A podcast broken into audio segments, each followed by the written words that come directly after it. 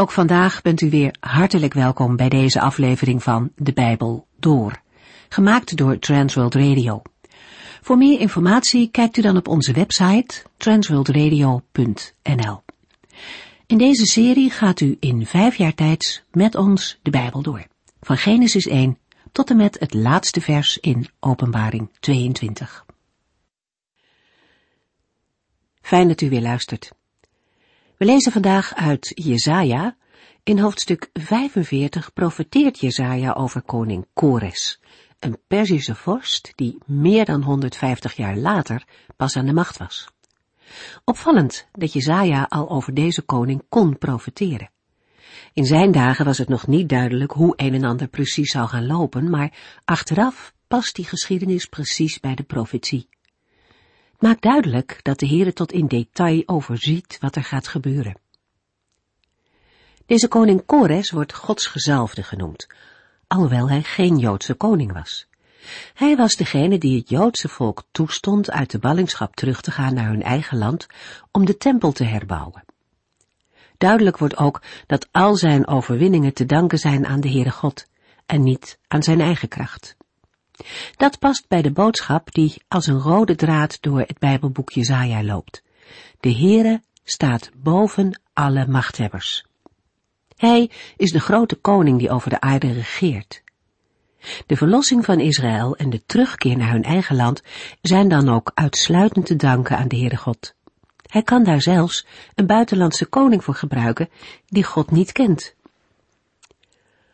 Hoewel de woorden tot Kores gesproken worden, zijn ze eigenlijk gericht tot de Israëlieten. Zij mogen vasthouden aan de belofte van God, aan de toekomstbelofte. Ook al leven zij zelf in een donkere tijd, waarin het misschien haast onmogelijk lijkt dat die beloften ooit werkelijkheid zullen worden. Ook wij mogen blijven uitzien naar Gods toekomst. In geestelijk opzicht misschien wel een donkere tijd, maar toch werpt Gods woord licht op de toekomst. Ook voor ons geldt dat we niet alle details kennen, maar de hoofdlijnen die de Bijbel ons aangeeft, mogen we onderzoeken. En dat geeft moed en uitzicht. We kunnen ervan op aan dat de Heer al zijn plannen zal uitvoeren, zowel voor Israël als voor ons. Wij lezen verder vanaf Jesaja, hoofdstuk 47.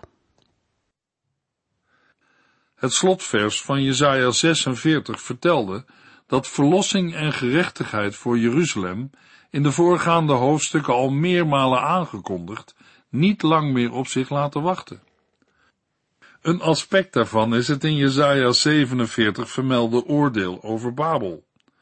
Ook in vorige hoofdstukken, Jesaja 43 en 46, werd het oordeel over Babel en haar goden al aangekondigd. Omdat Babel ook in Jesaja 21 werd veroordeeld, is Jesaja 47 de derde profetie over de ondergang van Babel. Jesaja 47 vers 1 tot en met 15 kunnen we onderverdelen in drie gedeelten. De versen 1 tot en met 4 vormen een inleiding op de oordeelsaankondiging en maken duidelijk dat het de Heer is die zich in het oordeel wreekt op Babel. Vervolgens komt in de versen 5 tot en met 11 naar voren dat de reden voor het oordeel gelegen is in de hoogmoed en afgoderij van de Babyloniërs. De versen 12 tot en met 15 maken duidelijk dat het oordeel onontkoombaar is. Jesaja 47 vers 1 tot en met 4 Och, onoverwinnelijk Babel, kom in het stof zitten. Uw dagen van glorie, luister en hoog aanzien zijn voorbij. O dochter van de Galdeën, u zult nooit meer een lieflijke prinses zijn, teer en wondermooi. Pak de handmolen en maal het koren. Leg uw sluier maar af, schort uw jurk op en loop zo voor schut. U zult beschaamd zijn als u ontbloot door rivieren zult waden. Ik zal wraak op u nemen en geen genade kennen. Dat zegt onze Verlosser, die Israël uit de macht van Babel zal redden. Heere van de hemelse legers is zijn naam, de heilige van Israël. De Heere richt het woord tot Babel. Dat wordt aangesproken als een vrouw, als een lieflijke prinses en als een dochter van de Galdeën. Van een geziene, trotse heerseres over de volken, wordt zij vernederd tot slavin, de laagst mogelijke plaats die maar denkbaar is. Duidelijk en direct klinkt het oordeel. Kom in het stof zitten. Neem plaats op de grond zonder troon. Niet langer zullen mensen haar teer en wondermooi noemen. Laat zij de handmolen pakken om meel te malen en haar sluier afleggen, om het werk van een slavin te doen. Voor hooggeplaatste vrouwen was het ongepast zich zonder hoofdbedekking in het openbaar te vertonen. Maar slavinnen droegen meestal geen sluier. Zo wordt duidelijk dat van Babels voormalige hoge status niets is overgebleven. Ook het optillen van de rokken en het ontbloten van de benen om het water over te steken, moeten in deze zin worden verstaan. Zo zal zij openlijk te kijk staan. Vers 3b maakt duidelijk waarom dit lot Babel treft. De Heere zorgt voor vergelding van haar misdaden. Niemand zal hem daarbij tegenhouden. De woorden worden gevolgd door een lofuiting voor de Heere. Dat zegt onze Verlosser, die Israël uit de macht van Babel zal redden. Heere van de hemelse legers is zijn naam, de Heilige van Israël. De woorden laten zich het beste uitleggen als een reactie van de profeet en het volk op Gods verlossende daden. De namen van de Heere onderstrepen zijn grote macht en maken in deze context tegelijkertijd duidelijk dat de Heere in de uitvoering van zijn oordeel zich laat zien als de verlosser van Israël. Jesaja 47 vers 5 Zit stil in de duisternis, Babel, u zult nooit meer de koningin onder de koninkrijken worden genoemd. Nogmaals wordt Babel het oordeel aangezegd. Laat zij zitten in stilte en in duisternis, beelden van verlatenheid en dood. De rol van Babel is uitgespeeld. Niet langer zal zij de koningin onder de koninkrijken worden genoemd. Het Hebreeuwse woord voor koningin staat elders in het Oude Testament voor de vrouw des huizes in een welgesteld huishouden, aan wie de slavinnen gehoorzaamheid verschuldigd zijn. In Jesaja 47 staat de meesteres of de koningin niet aan het hoofd van slavinnen, maar van koninkrijken. Het geeft de vroegere, hoge internationale positie van Babel aan. Jesaja 47 vers 6 tot en met 11 Want ik was boos op mijn volk Israël en strafte het, door het in uw macht te geven. Maar u kende geen genade. Zelfs grijzaards liet u zware vrachten dragen. U dacht dat uw heerschappij nooit zou eindigen, koningin van de wereld. U gaf helemaal niets om mijn volk en dacht er niet aan op te treden tegen mensen die het kwaad deden.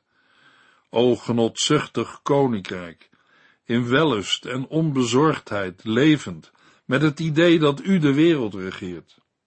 Luister naar het vonnis van mijn rechtbank over uw zonden. U zegt, ik alleen ben God. Ik zal nooit weduwe worden, nooit mijn kinderen verliezen.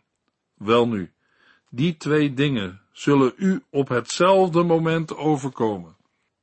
Twee dingen zult u op één dag te verwerken krijgen: weduwschap en het verlies van uw kinderen, ondanks al uw occultisme en toverkunsten. U waande zich veilig in uw verdorvenheid. Uw wijsheid en kennis brachten u ertoe te denken dat u aan niemand verantwoording hoefde af te leggen.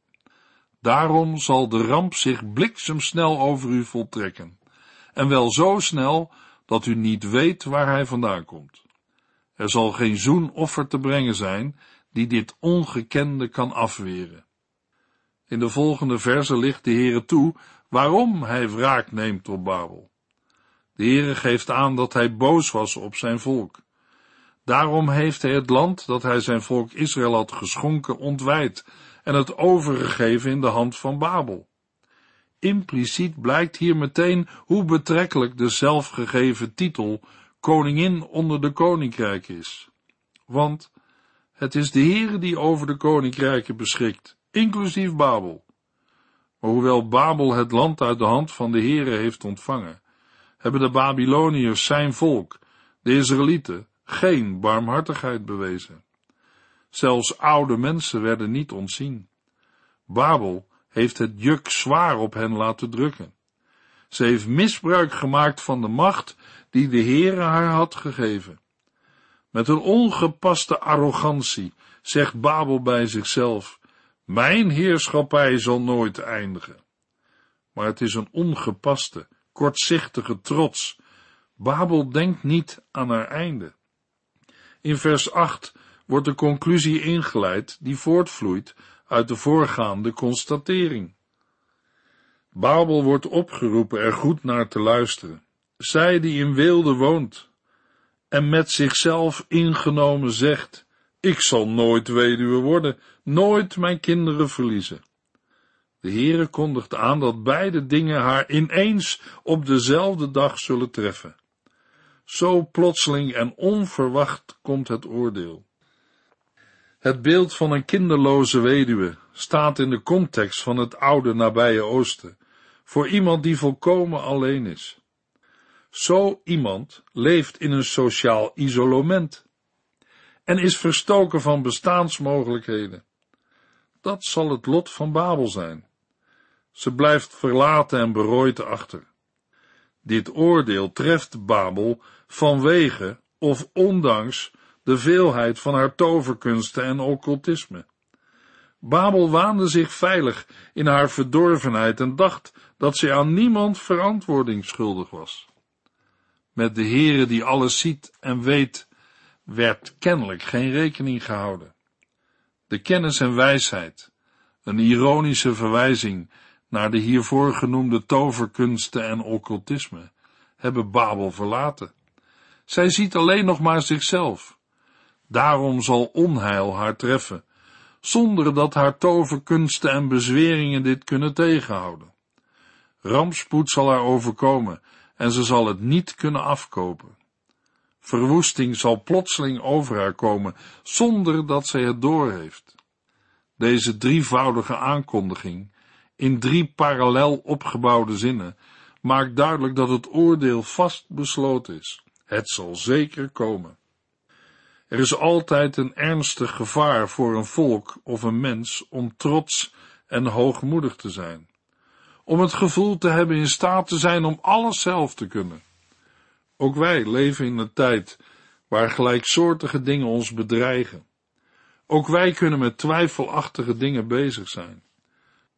We proberen ze wel af te dekken en denken mogelijk dat niemand het ziet, maar God ziet het wel. En hij zal al deze dingen aan het licht brengen en erover oordelen, zoals hij Babylon oordeelde. Jesaja 47 vers 12 tot en met 15. Roep de horden boze geesten maar op, die u al die jaren hebt aanbeden. Doe een beroep op hen om u te helpen, opnieuw angst in vele harten te zaaien. U hebt raadgevers genoeg, uw astrologen en sterrenkundigen, die u proberen te vertellen wat in de toekomst gebeuren gaat. Maar zij zijn net zo nutteloos als gedroogd gras dat verbrand wordt. Zij kunnen zichzelf niet eens verlossen. Van hen zult u echt geen hulp krijgen. Ze zijn een kolenvuur waaraan u zich niet kunt warmen en dat geen licht geeft om bij te zitten. Al uw vroegere handelspartners zullen wegglippen en verdwijnen. Niemand zal in staat zijn u te helpen. In het slotgedeelte van Jesaja 47 daagt de Heere Babel uit. Wie denkt zij wel dat ze is, dat zij het tegen de Heere kan opnemen? Op spottende wijze moedigt de Heere Babel aan zich te richten tot haar raadgevers, astrologen en sterrenkundigen, die in vers 9 genoemd zijn als een van de redenen voor het oordeel. Laat Babel zich maar tot die toverkunsten wenden, waarmee ze zich altijd al ijverig bezig hield. Wie weet heeft ze er voordeel van. Wie weet zullen de occultisten en magiërs Babel angstaanjagend maken. Babel heeft raadgevers, astrologen en sterrenkundigen genoeg, die proberen te vertellen wat er in de toekomst gaat gebeuren.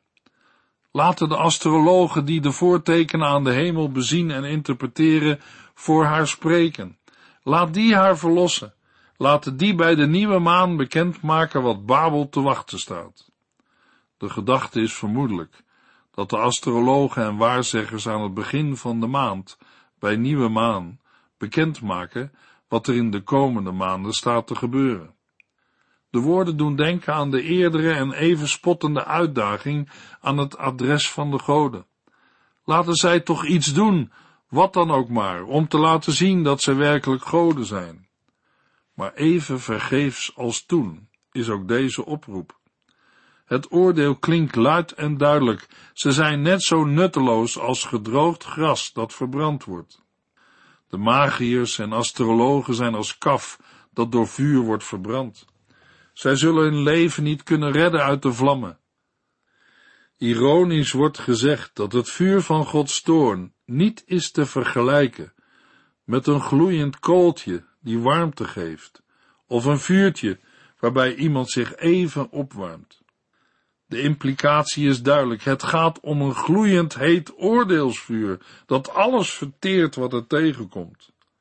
De vroegere handelaren hebben Babel in de steek gelaten en zijn allen hun eigen weg gegaan. Aan de wilde van Babel is een einde gekomen. Er is niemand die Babel zal verlossen. De slotwoorden vormen een schril contrast met de woorden van de Israëlieten in vers 4. De Heer is Israëls verlosser, maar Babel zal geen verlosser kennen. In het in Jesaja 47 aangekondigde oordeel over Babel komen de verlossing en gerechtigheid tot uiting die de Heere zal brengen. De boodschap van verlossing houdt in dat de ballingschap naar Babel, die Jezaja eerder heeft aangekondigd, tot een einde komt. Gerechtigheid komt tot uiting omdat Babels misdaden niet onbestraft zullen blijven. Die misdaden bestaan uit Gods lastelijke hoogmoed, machtsmisbruik ten opzichte van Israël en allerlei vormen van magie, astrologie en waarzeggerij, oftewel occultisme. Praktijken die voor de Heere een gruwel zijn. De oordeelsaankondiging over Babel zal in Israël opgevat zijn als een boodschap van troost. Troost in de dagen van Jezaja zelf, vanwege de boodschap dat de Heere het volk niet had verlaten, zoals Israël zelf meende. Maar de woorden zullen vooral vertroostend zijn geweest in later tijd, toen de ballingschap een feit was en de ballingen in Babel met niet meer dan weemoed aan Jeruzalem konden terugdenken. Zij mochten uitzien naar het moment dat de rollen omgekeerd zouden worden. Immers Babel zou tot puin worden gemaakt en haar verdiende loon krijgen. In het Nieuwe Testament worden de woorden van Jesaja 47 toegepast op het Babylon van de eindtijd. Een zelf ingenomen politieke en economische grootmacht die de volgelingen van Jezus Christus vervolgt. De beeldspraak is dan nog zwarter.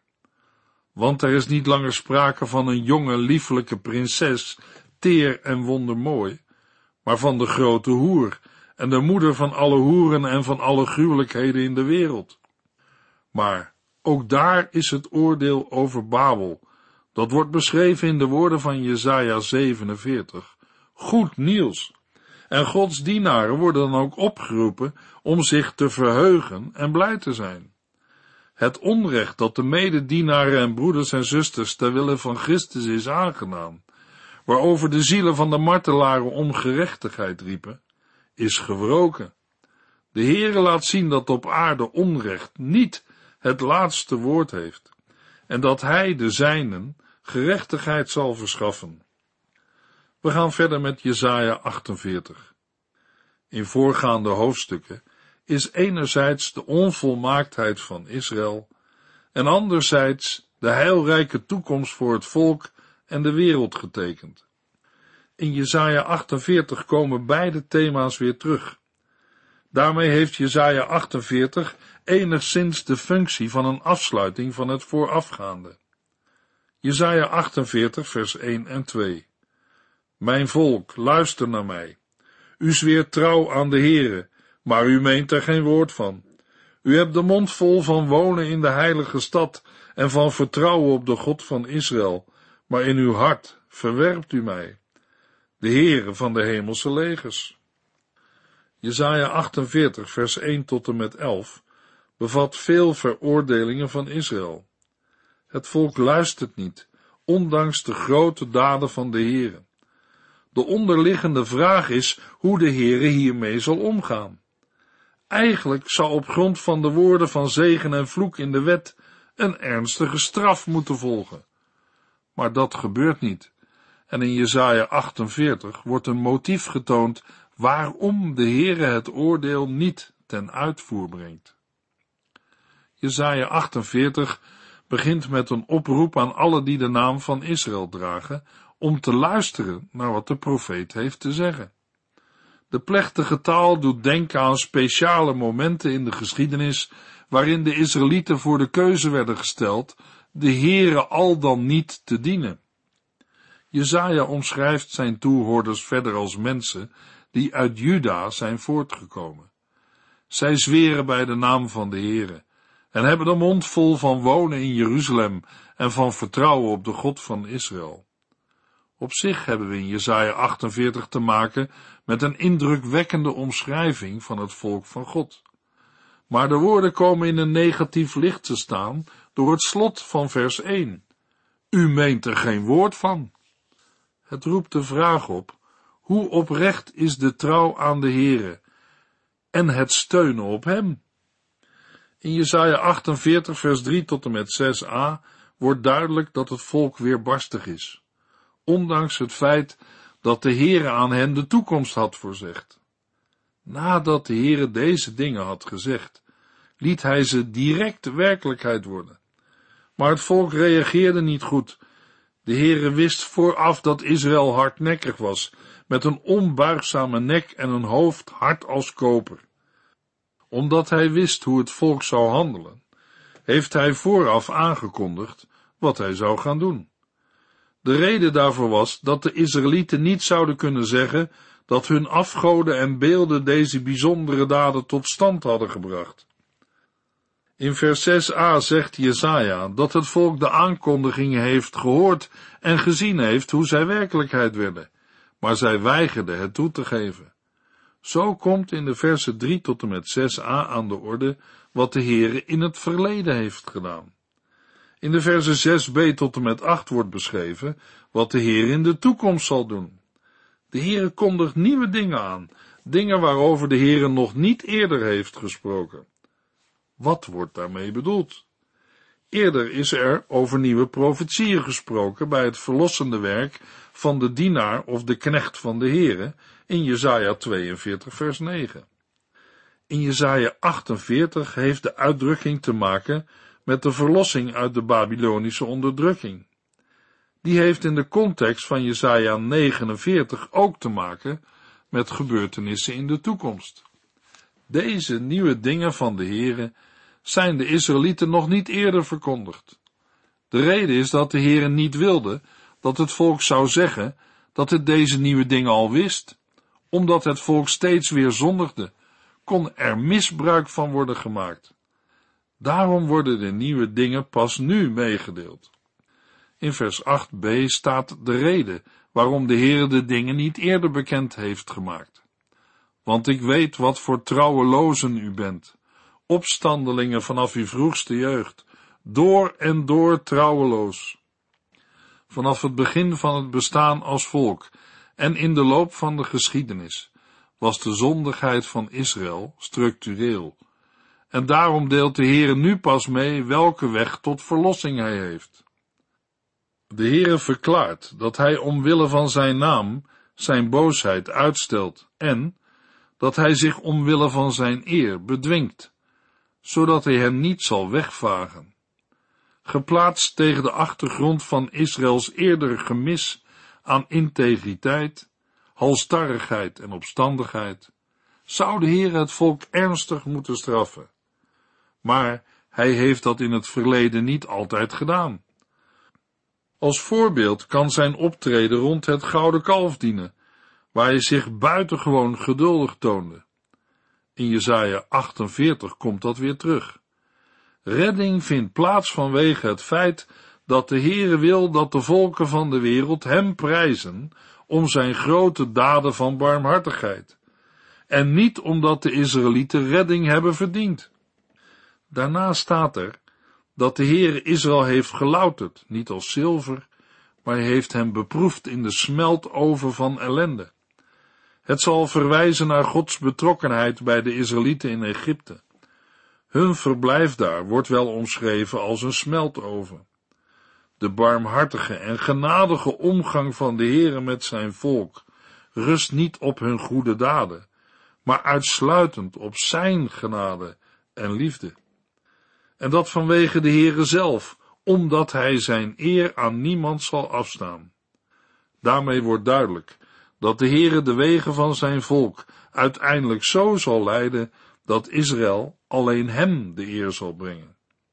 Dat wil de Heere niet alleen voor Israël, maar uiteindelijk voor alle volken op aarde. Jesaja 48 vers 12 tot en met 22, het tweede gedeelte van dit hoofdstuk, roept opnieuw op om te luisteren en te reageren op de oproepen van de Heere. Eerst wordt het appel om te luisteren onderbouwd door een verwijzing naar de Heer als schepper die de wereld beheert. Het volgende deel verwoordt de belofte van zegen bij gehoorzaamheid, als wordt gedaan wat de Heer heeft bevolen. Daarna wordt het volk opgeroepen Babel te verlaten en vreugde te beleven over Gods bevrijding. Jesaja 48 vers 22. Maar zo zegt mijn God, voor de goddeloze is er geen vrede. Aan het einde van dit gedeelte wordt nog eenmaal gewaarschuwd voor het lot van de boosdoeners. De Heere verklaart dat er voor hen geen vrede is. In de volgende uitzending lezen we Jesaja 49. U heeft geluisterd naar De Bijbel Door, in het Nederlands vertaald en bewerkt door Transworld Radio. Een programma waarin we in vijf jaar tijd de hele Bijbel doorgaan. Als u wilt reageren op deze uitzending of u heeft vragen, dan kunt u contact met ons opnemen. Tijdens kantooruren kunt u bellen op 0342 47 8432 0342 47 8432. Ook kunt u een e-mail sturen naar de Bijbel door at transworldradio.nl en natuurlijk kunt u ook via de post ons bereiken. TWR, postbus 371, postcode 3770, AJ in Barneveld. Dit programma werd gepresenteerd door Cor Weda en Ike André. Techniek was in handen van Odin van Voerkom. En wij allemaal bedanken u voor het luisteren. Graag tot de volgende keer.